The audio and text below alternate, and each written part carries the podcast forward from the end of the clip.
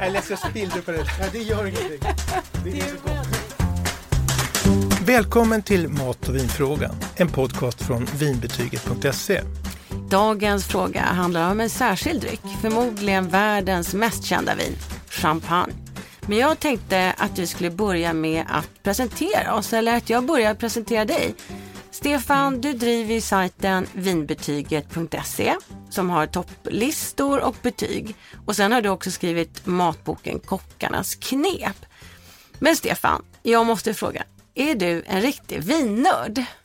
Elisabeth, det är en bra fråga. Det märks att du är journalist och du är inte bara journalist, du är även foodie och älskar mat och dryck, även om du inte är fanatisk kring det. Nej, jag, jag är ingen vinnörd egentligen. Eh, jag kan inte allt om vin. Däremot så tycker jag om att försöka hitta de bästa vinerna oavsett om de kostar 100 eller 200 kronor. Och det var därför egentligen som jag startade vinbetyget som är en metod som samlar betyg och räknar ut vilka som får högst betyg. Mm. Och den är ju väldigt bra. Jag brukar använda den på Systembolaget men även de som jobbar på mitt lokala systembolag brukar hänvisa till den när de vill säkerställa att de ger rätt tips.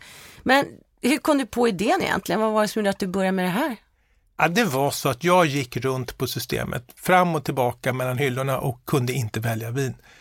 Eh, och det här eh, var knepigt. Jag kunde stå framför tre flaskor som kostade lika mycket från samma region med gjorda vin som var gjort på samma druvor.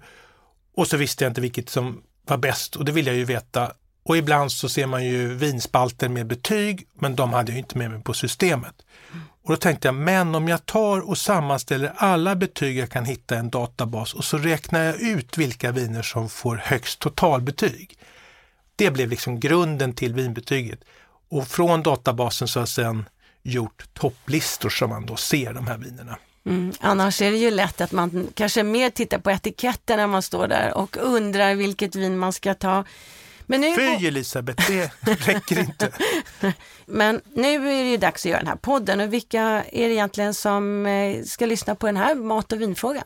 Ja, den är inte tänkt för eh, sommelierer och proffskockar i, i första hand utan det är för alla som vill ha tips och eh, råd och lite tankar kring mat och dryck.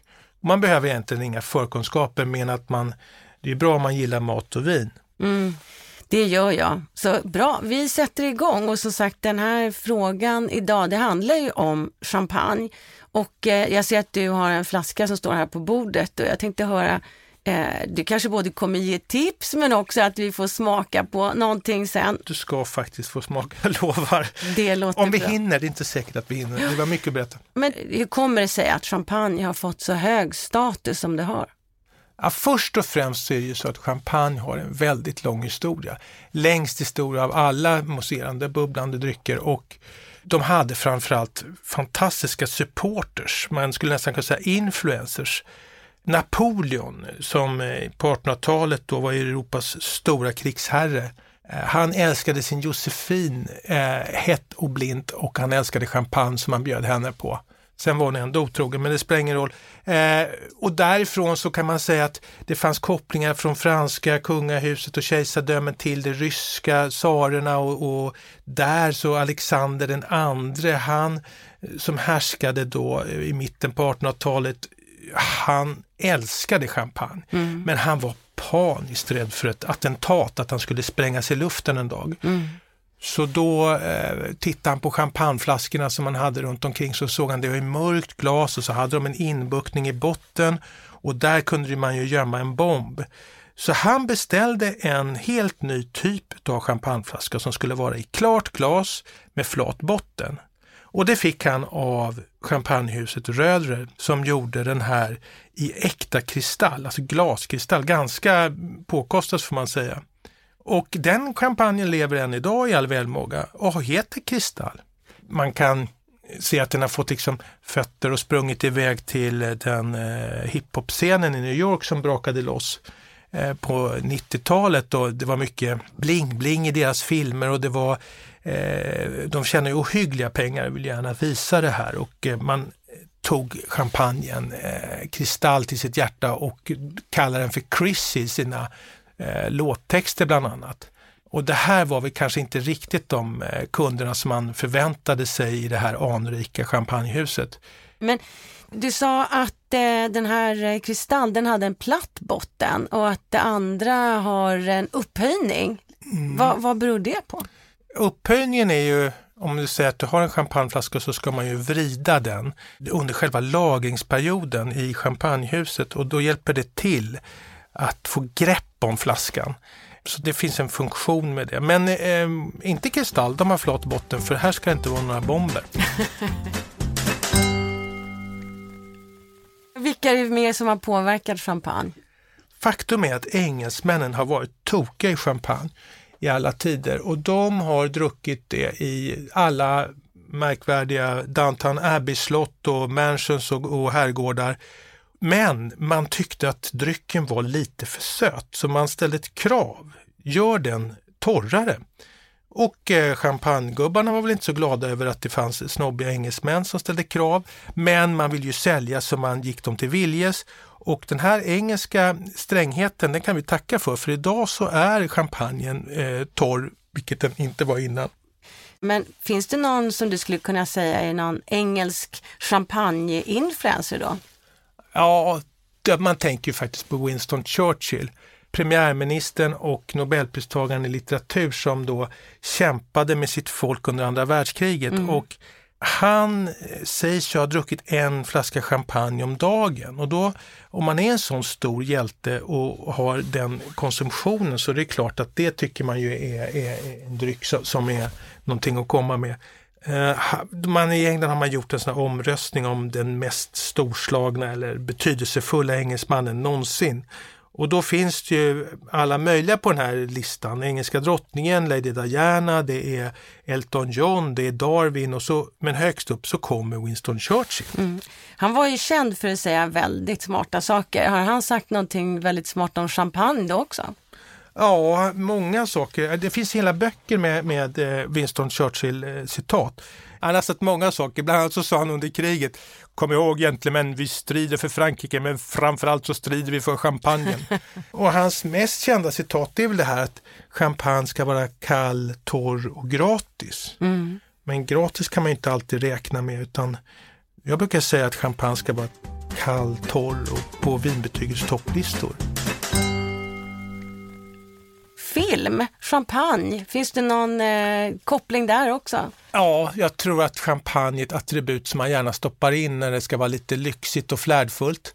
Den mest kända filmchampagnedrickaren är väl Agent 007. Absolut. James Bond. Va? I 26 filmer har han korkat upp champagne och så har han försökt få de här Bondbrudarna mellan lakanen mm. genom att mhm. bjuda på det här. Ja, men nu har vi det med svenskarna och champagne. Vi pratar mycket om internationella förebilder. Ja, men jag tycker nog vi har mycket att komma med även eh, i Sverige. Tom Nobelbanketten, det är 1300 gäster som kommer i december till denna fantastiska mm. tillställning. Pristagare, världens främsta forskare med familjer, det är näringsliv, det är politiker och inte minst vårt eh, svenska kungahus då eh, med drottningen och prinsessorna som har långa handsydda klänningar och det är diadem som glittrar och ingen annan dryck skulle vara tänkbar än champagne. Man har faktiskt serverat det på Nobelbanketten i hundra år. Mm. Ja, det handlar mycket om festlighet när det är champagne. Så, det låter ju också ganska dyrt. Så, vad, vad ligger priset på här, om man tar vanliga Systembolaget? På Systembolaget så börjar den på 200 kronor och går upp till 2500 kronor. Och jämför man de priserna med motsvarande utomlands så är det nog lite lägre faktiskt. Mm. Men att det är så dyrt, det finns ju många internationella kända personer som har druckit det. Men finns det någon annan förklaring till att champagne faktiskt är så dyrt eller har ett högt pris ska jag säga? Ja, själva produkten, om man tittar på drycken i sig, struntar i, i, i flaskor och annat, så är det ju ett hantverk som är mer ambitiöst än när det gäller än andra mousserande drycker. Och man har en metod där champagnen lagas i sin flaska två gånger, den jäser två gånger. Och själva druvorna, dels måste de komma från regionen Champagne i nordöstra Frankrike. Men de här druvorna, det är de dyraste druvorna som finns. De kostar mm. kanske tre gånger så mycket. Och sen så finns det ju också det här att man skyddar ju det här med champagne så hårt för att eh, inte det här ska sippra ut och sprida sig till andra eh, delar. Jag förstår. Och det här med druvorna får vi nästan ta upp en annan gång. Men varför är det här så viktigt? Är det bara liksom, typisk fransk eh, hård byråkrati eller?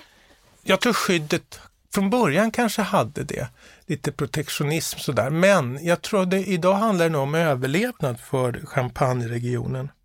Om man tar ett exempel, vi säger att du odlar eh, fina äpplen eh, på din gård på Gotland och så gör du en cider som är alldeles makalös och så säger folk den här är ju fantastisk, den här måste du börja sälja och så börjar du göra den här och så tänker du jag döper den till Gotland.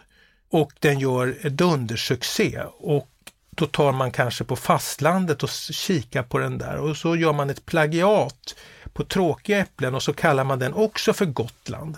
Och så sänker man priset för att konkurrera ut det. Det är där champagne tycker liksom att vi måste bevaka våra intressen. Vi säger att vi är på dejt du och jag och så frågar jag dig så här, vill du ha en kopp grönt te? Eller så frågar jag dig, vill du ha lite julmust? Eller Elisabeth, vill du ha ett glas champagne? Ja, nej, jag måste säga, jag dricker grönt te varje dag. Julmust är en stor favorit, men eh, nej, men det är klart att ett glas champagne, det anslår en annan klang i, i hela kroppen. Nej, men det, det är det jag absolut helst vill ha. Ja, och man får inte glömma bort då att smaken av champagne är det som har lett till framgången. Eh, många har lätt att gilla den här fruktiga, krispiga smaken.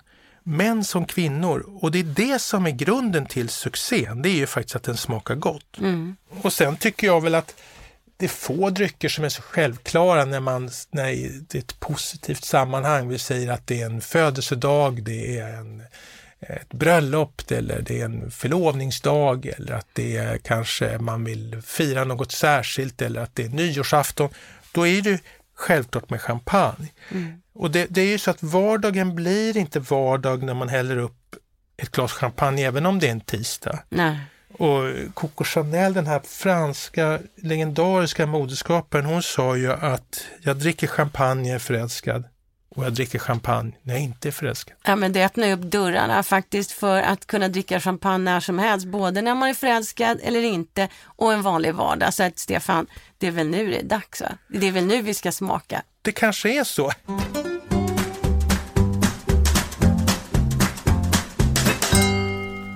Det som slår mig nu när jag ser dig öppna den här flaskan, det är att det är flera lager. Först är den här folien runt och sen så har vi den här järntråden och så är det lite pyntar med den här metallknoppen.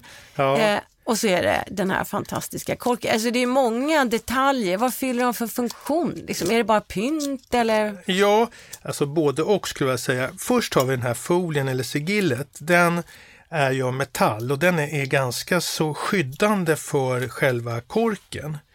Och det är ju, eh, hänger ihop med att det är sånt otroligt tryck i en eh, champagneflaska. Det sägs att det är lika hård, eh, stort tryck som i ett lastbilsdäck. Och så folien skyddar den här ståltråden. Och den ser ju lite märkvärdig ut också, men och den kallas grimma på sån här märkvärd champagnespråk. Den och nu får du vara lite försiktig ja, här, visst, så inte peka mot mig, för det har Nej. jag minsann varit med ja, om att ja, eh, korken ha... far iväg upp Nej. i taket. Eller... Så att det här är en skydd. Förr hade man faktiskt snöre istället för ståltråd. Mm. Men så det är, det är en säkerhetsanordning och då vill man göra den så snygg som möjligt. Den här metallen, sigillet, har ju olika färg. Alla champagnemärken har ju sin dekor så att säga. Mm. Så det har dubbla funktioner. Men nu håller du eh, ena handen under flaskan och lutar den lite mm. också. Är det... Det är så man jag gör, man ska hålla den rakt upp. Jag kan inte tala för alla, men så brukar jag göra. Jag håller den med höger hand under och så vrider jag med vänster hand runt korken. Mm. Så. Oh. Se där, se där. Du, jag tycker... Så, det är till dig Elisabeth. Det här du är lite ljudet. törstig här märkte jag. Det här ljudet. Mm. Jag tycker det här med sabrering är lite tramsigt om jag ska vara ärlig. Att man ska hålla på med en sabel och så sprutar det champagne åt alla håll.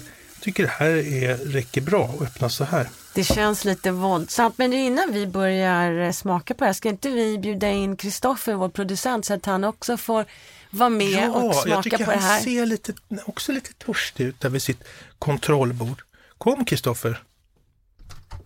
Tjena! Fredag, det är sant. Hej, välkommen. Ja, tack så mycket. Men Stefan har faktiskt sagt att man kan dricka champagne på en tisdag också så att det går alldeles Det är utmärkt. nästan mer lyxigt faktiskt. Det är när man känner att man inte, det behöver inte vara en hundraprocentig lyxvara Mm. heller. Man kan liksom, Men skåla, det Ja, gör man Skål, alltid. skål! Killevippen. Ja, jag ska inte ge mig på att eh, säga vad det smakar utan kan bara konstatera att det var väldigt gott. Så berätta, det är helt fantastiskt. det här var fantastiskt. Jag håller med. Vad, eh, vad är det vi smakar på? Det här måste ju du berätta mer om.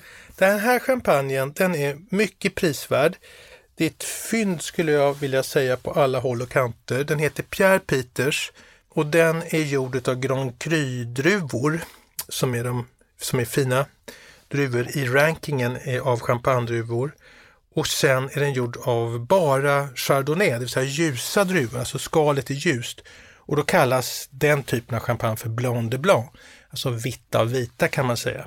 Och eh, den här kostar 379 kronor. Det tycker jag är väldigt mycket. För pengarna, eh, den kunde kosta mer.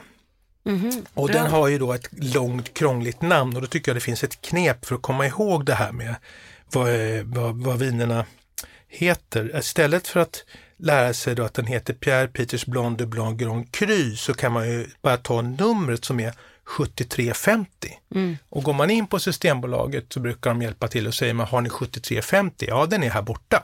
Eller så står man själv i champagnehyllan och så ser man det numret där. Mm. Men man kan också gå in på vinbetyget.se och så hittar man då det här med etiketten så blir det lite lättare att hitta också. Mm. Men du, du sa att det är blanc de blanc, det finns inga rödvin, eller hur, som man gör champagne på. Det är alltid vita druvor. Nej, det finns, det finns egentligen idag tre godkända druvor.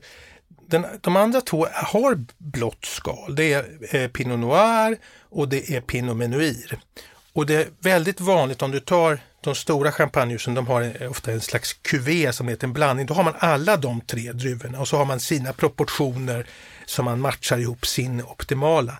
Men det här med Blanc de Blanc, det är lite hett nu. Det är liksom det som pratas mycket om därför att den är torr och krispig, den är utmärkt som drink. Den här Pierre Peters tycker jag är fullt, fullkomligt fantastisk. Vad säger du Kristoffer? Du brukar prata om att vin smakar som din trädgårdsslang och andra målande beskrivningar. Så, här. så vad skulle du säga? Vad, vad blir du sugen på att äta till den här champagnen? För det här är ju bra, det här ska man ju tänka på att champagne passar till maträtter också, inte bara som en fördrink. sant? Alltså jag är ju, min, min, min ringa kunskap kring det här skulle jag säga att det, det passar ju fantastiskt bra bara som sig själv också. Sen är jag också vegetarian så att jag har en smalare sån där liksom, det passar, det, det känns som att den skulle passa till någonting lättare. Det är min känsla.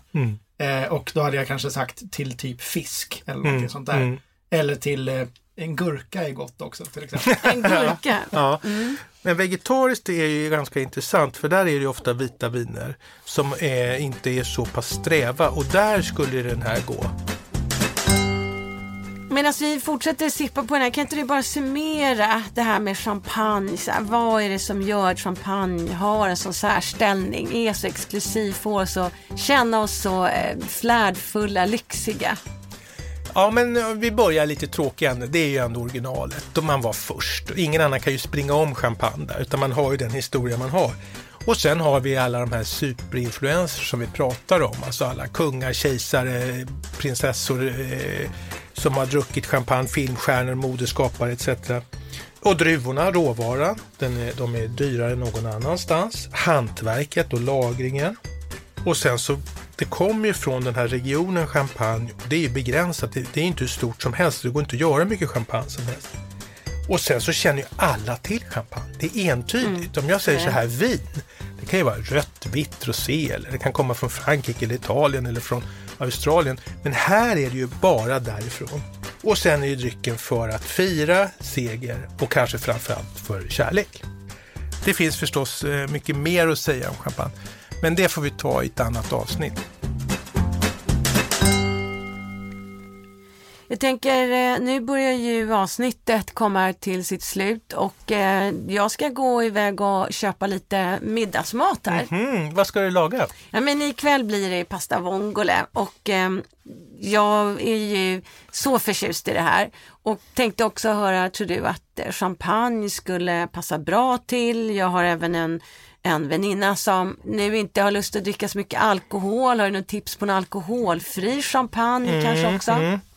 Oj då. Eh, faktum är Elisabeth att det är helt rätt att champagne är matvänligt. Det är inte alla som tänker på det. Och till en vongole som är lite, lite fet, lite klibbig nästan, så blir den här, den här friska smaken blir väldigt bra matchning. På vinbetyget så börjar ju champagnerna på 240 kronor uppåt. och tycker man att det är mycket pengar vilket jag kan ha all förståelse för, så kan man till exempel välja ett vitt vin av druvan Riesling. Och det, Riesling det brukar vara sommeliernas favorit därför det är så matvänligt och lättmatchat. Och då finns det en eh, speciell som jag tänker på som från vinproducenten Lights. Den har ett långt krångligt namn. Den heter Ein, zwei, drei Riesling. Och det behöver man inte lägga på minnet. Ett, två, torr. Ja, just mm. det det är ganska så fyndigt, ja det vet mm. jag inte. Men numret är i alla fall 5822, det kan man komma ihåg. Och den kostar 99 kronor. Mm. Och någonting alkoholfritt för den som föredrar det? Ja, dels så har Lights en bra Riesling som är alkoholfri, den tror jag också finns i mataffären. Och så har ju då den här svensk, vår svenska champagneguru Rickard Julin har tagit fram ett alkoholfritt bubbel Eh, och det finns också i mataffären. Det får också höga betyg. De finns på vår alkoholfria lista för övrigt. Mm. Så det är bara att gå in och titta där. Tack eh, Stefan, det här passar min plånbok och smak. Så tack för det och tack också till alla er som har lyssnat. Vi hörs i nästa avsnitt. Tack alla, vi hörs snart. Har du frågor om mat och vin? Alla frågor är välkomna. Mejla till mig på stefanvinbetyget.se